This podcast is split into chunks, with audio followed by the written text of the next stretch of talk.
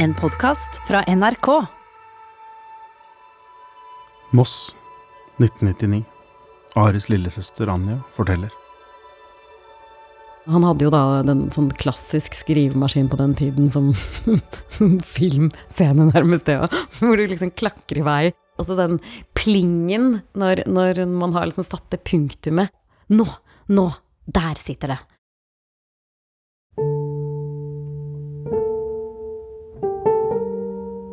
Aris liv tok mange store vendinger, men det som skjedde denne sommeren, i 1999, var en av de aller største. Ari hadde fått en gammel manuell skrivemaskin. Han hadde sittet i andre etasje i huset ved Mellø stadion i Moss og skrevet 15 noveller. Høytidelig hadde han kommet ned på kjøkkenet og lest dem for Anja og moren sin, og så hadde han sendt dem til en berømt forlegger i Oslo og fått samlinga antatt. De hadde venta på dette øyeblikket, hele familien. Ari hadde jo sagt helt siden han var liten at han skulle bli forfatter, og nå var det i ferd med å skje. Boka skulle bære tittelen til den siste av de 15 novellene, Trist som faen. Dette er del seks av denne historien om Ari. Jeg heter Joakim Førsund.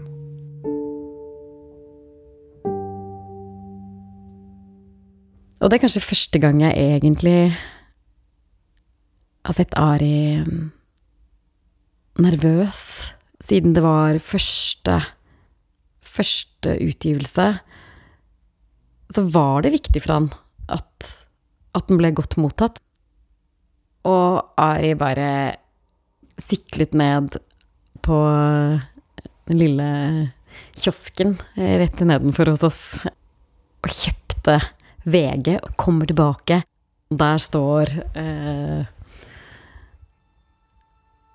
Ari Bens eh, anmeldelse. Ari bretta ut VG på kjøkkenbordet. Han var intervjua over to helsider og hadde fått terningkast seks. Terningen var på størrelse med knyttneven hans, og de tre første setningene i anmeldelsen lød Noen ganger kommer de bardus på, treffer deg rett i mellomgulvet og slår luften ut av deg. Slik er fortellingene til debutanten Ari Behn. Førsteopplaget av Tristan faen ble utsolgt på en uke. Han sier høyt, selvfølgelig, legger jo ikke skjul på noen ting, at eh, den sekseren, den skal tatoveres. Og Hvor lang tid tok det før han tatoverte den, da? Nei, jeg husker som det var dagen etter. Feira dere, eller? Ja, det var veldig mye feiring.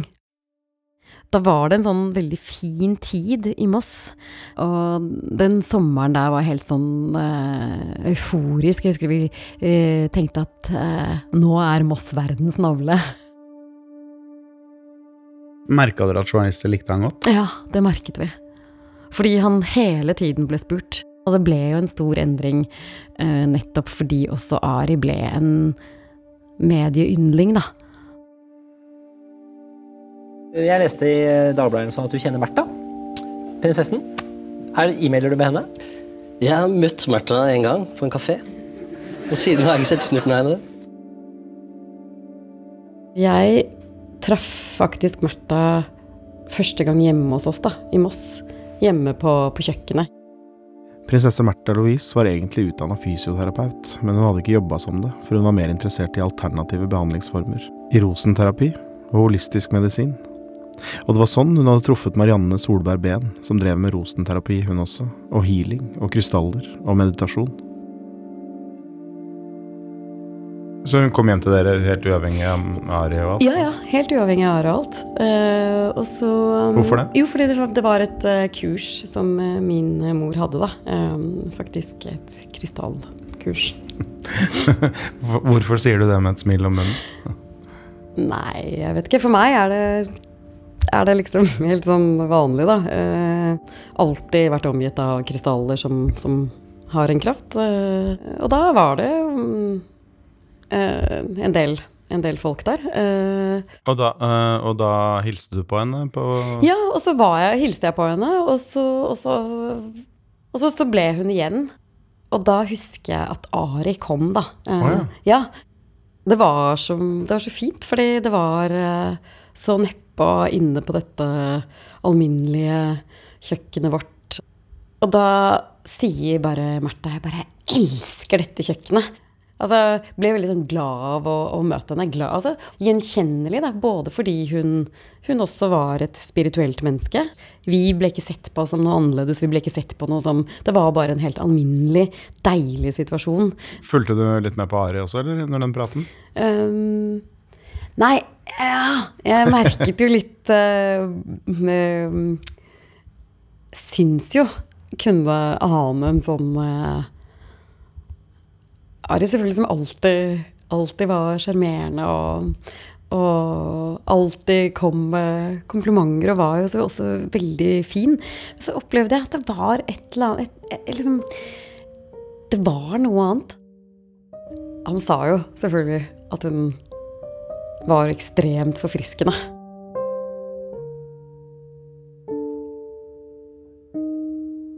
Ryktene hadde begynt å svirre. Folk hadde sett Ari og prinsessen på en bar her og en restaurant der. Så, under et nettmøte med Dagbladets lesere, ble Ari spurt om hvem som var Norges mest sexy kvinne. Og da svarte han, jeg er nok sikker på at Norges mest sexy kvinne må være Märtha Louise. Og så fortalte han på et eller annet tidspunkt at han hadde truffet henne flere ganger, da.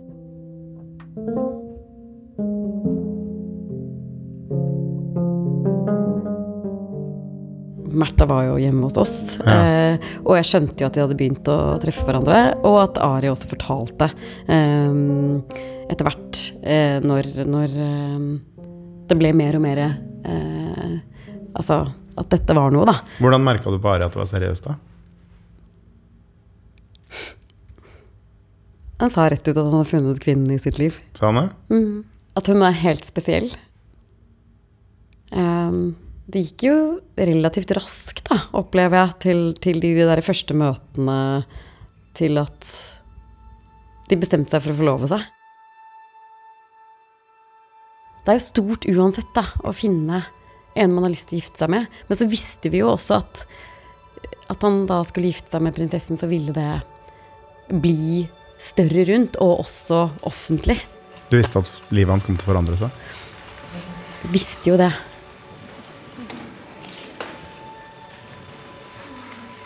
Dere har sagt så veldig pent til meg den siste tiden at jeg stråler sånn. Og her er den mannen som gjør at jeg stråler. Her er den mannen som får frem det beste i meg. Her er den mannen jeg har lyst til å dele resten av livet mitt med. Nå må jeg bare trykke litt. Ja, i dag tidlig så tok jeg mot til meg. Og gikk ned på kne og fridde. Og fikk faktisk ja. Var det kjærlighet på, på, ved første blikk for For meg var det nok kjærlighet ved første blikk. Helt klart. Så var det, det var ja, Vi snakket så utrolig fint sammen. Det, var, det bare klikket veldig. Og siden gikk det slag i slag. Det er han jeg alltid har drømt om.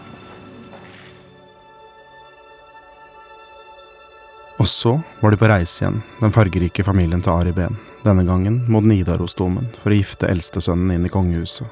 Og i Trondheim venta greve fra Danmark og hertuger fra Belgia, prinser fra England og prinsesse fra Jordan, folk som hadde vært i kongelige brylluper mange ganger før. Men ingen av dem var som familien til Ari. Ja, De ivrigste av eh, trønderne de eh, tok plass eh, foran Nidarosdomen ved 28-tiden i dag tidlig for å få like god plass som oss. Og Det er mange tusen trøndere som har møtt fram like utenfor kirken for å få et glimt av de mange gjestene, og ikke minst brudeparet da de kommer senere. Eh, Så vi var vel før, før de kongelige, men allikevel som nærmeste familie, så var vi vel noen av de siste gjestene som kom inn, da. Det var masse, masse, masse folk. Jeg husker det var sånn enormt folkehav og sånn jubel. Um, uh, så det var jo sånn vanvittig massivt. Uh, og Altså, for en fest. For, et, for en stemning. Og alle, alle hadde kommet for å se at broren din skulle gifte seg. Mm. Og med sånt flagg og sånn um, heiarop, liksom. Uh, og så bare tenkte jeg at uh, fy søren, dette kommer til å bli en helt vanvittig dag, liksom.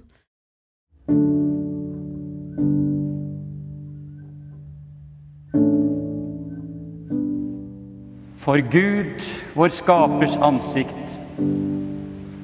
Og i disse vitners nærvær spør jeg deg, Ari Mikael Ven, vil du ha prinsesse Märtha Louise, som står ved din side, til din hustru? Ja.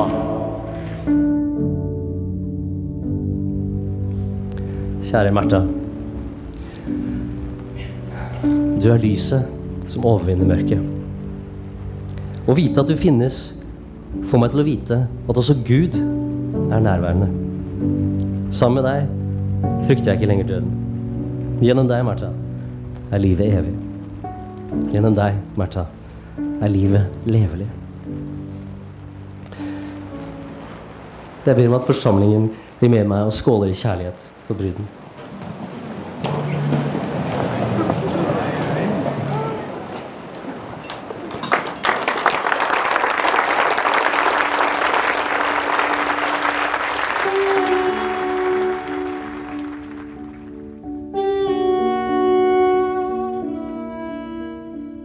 Og vi hadde jo lært oss å danse vals. Hadde du gått på kurs? Mm.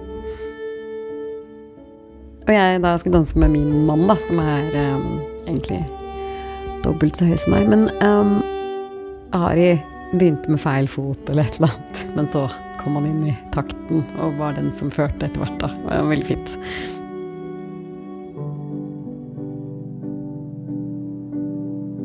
Eh, Og så kom liksom vi en etter en opp, da. Og, og svingte oss ut i denne valsen. Husket nesten sånn Det er noe sånn Litt sånn sus over det òg. Å danse vals sammen på den måten. Sveiva litt bortom og litt sånn blunk. Jeg skjønner. og disse skjeve øynene til jeg liksom pliret og Var han lykkelig da? Da var han lykkelig. Da var han lykkelig.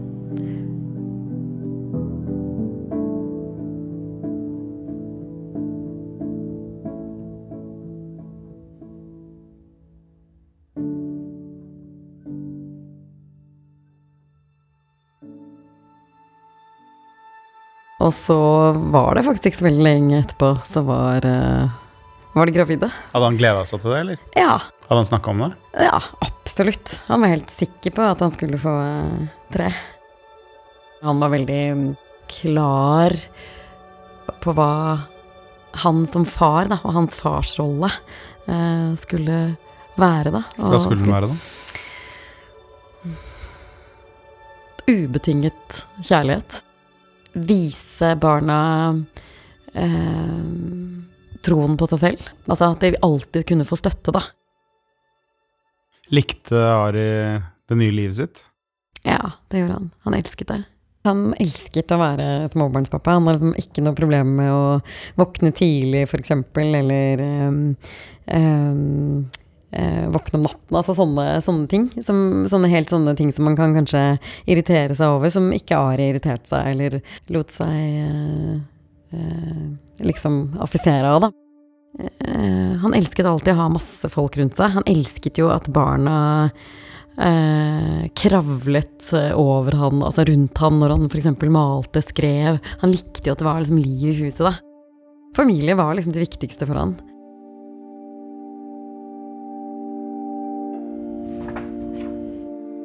Anja begynner å bla i en notatbok hun fant da hun var og rydda i Aris hus etter at han døde. Det er tegninger, enkeltord og små dikt på de gulhvite sidene, og stadig dukker setninger opp der Ari kommenterer medietrykket han er utsatt for.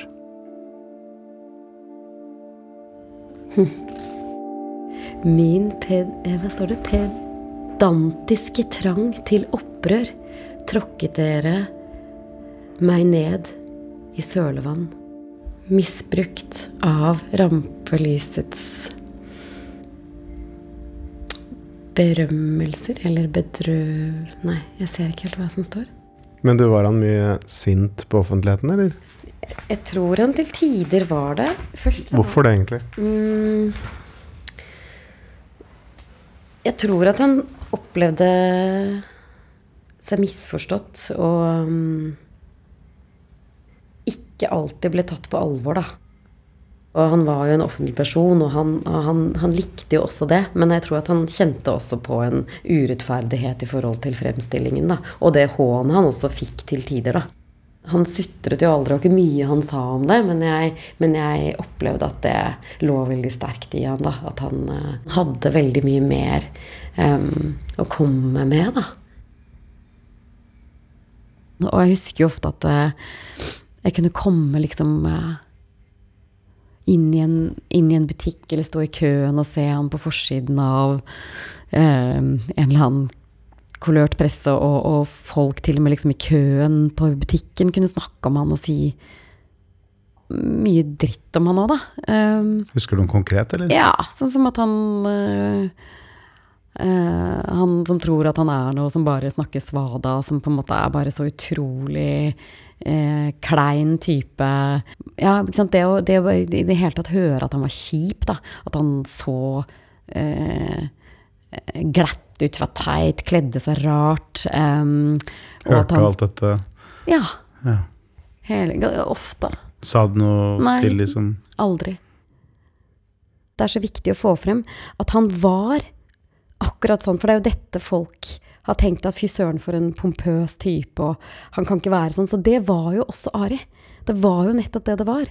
Og han, han ville heller ikke være noe annet. Eh, og når vi kom hjem, så, så, og, så og, det å, å, lukke døren og komme inn i det private, så fortsatte han jo egentlig i det moduset med å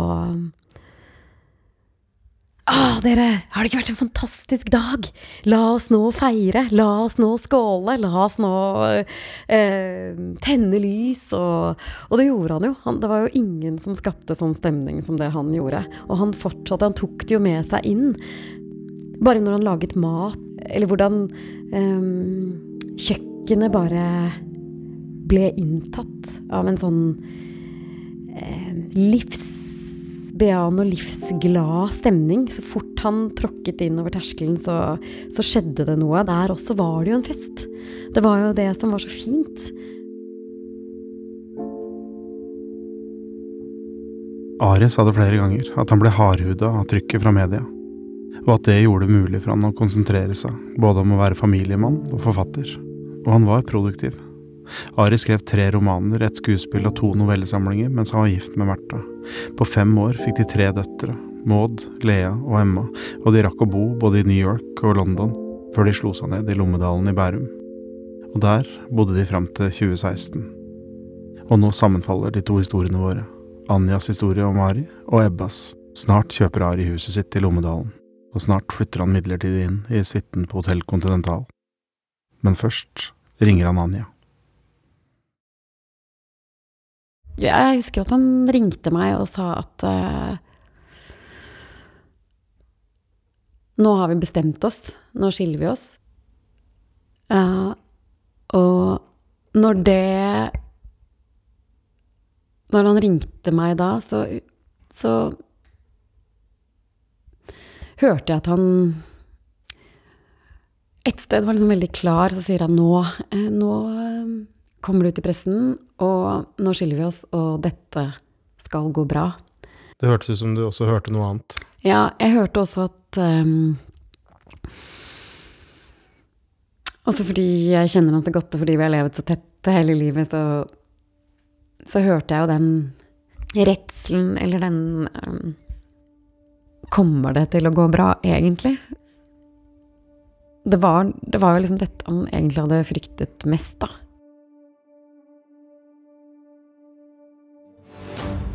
Prinsesse Märtha Louise og Ari Behn skilles altså etter 14 år. Det opplyser kongehuset i kveld. De to skal ha delt omsorg for de tre barna sine. Vondt og trist også for alle som står rundt, sier kongen og dronningen i en kommentar. I en pressemelding som ble offentlig klokken 18 i dag, uttaler prinsesse Märtha Louise. Livet går ikke på skinner. Det har både Ari og jeg erfart. Men aller tydeligst blir det nå, når livet har gjort noen krumspring vi aldri hadde sett for oss. I disse dager går nemlig vi to fra hverandre.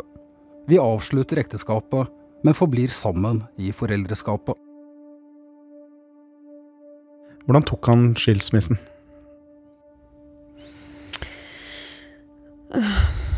For Ari så var jo skilsmissen ehm, Det var jo utrolig tøft, da. Ehm, Hvordan da?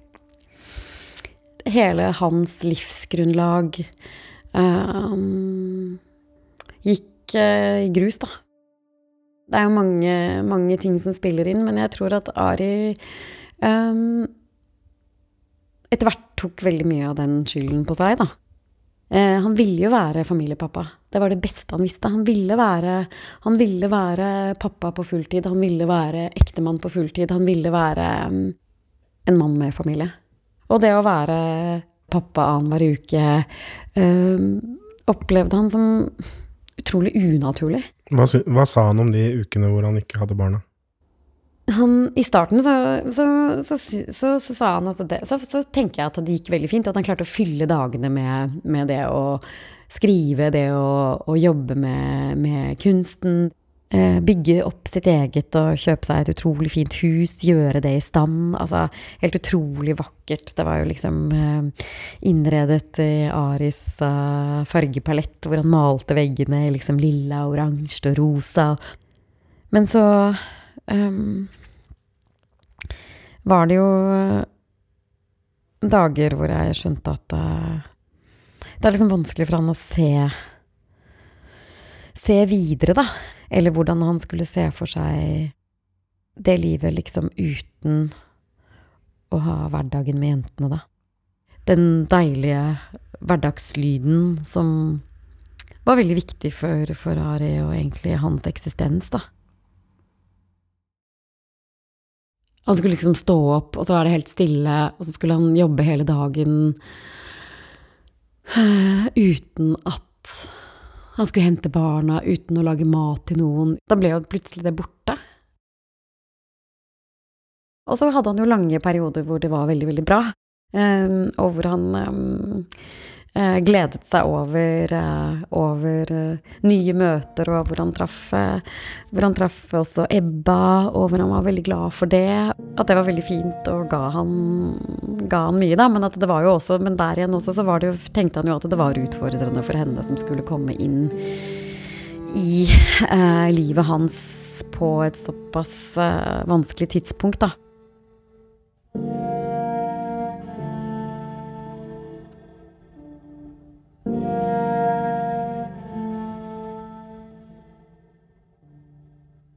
Når begynte du å bli redd? Jeg ble jo bekymret for Ari når han øh, ikke lo så mye mer, eller at han øh, At han var mye mer øh, tilbaketrukket. Jeg må jo si kanskje at jeg har vært bekymret helt siden skilsmissen på en måte, men samtidig har jeg fått hele tiden denne tilbakemeldingen at ting skulle gå bra, og at vi så liksom oppdriften, men jeg ble kanskje virkelig redd det siste året.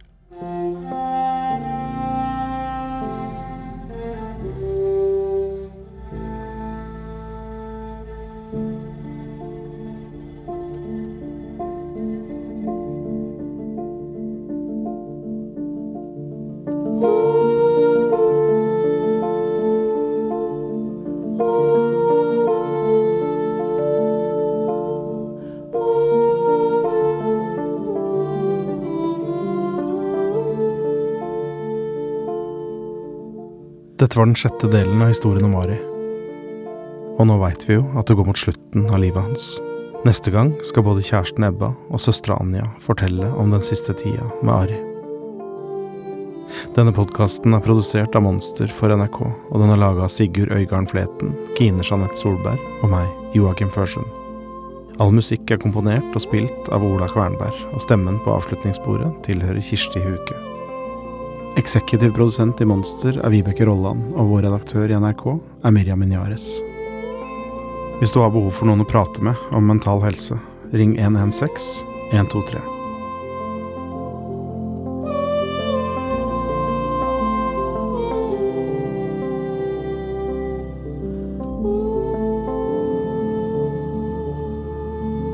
Du har hørt en podkast fra NRK. Hør flere podkaster og din NRK-kanal i appen NRK Radio.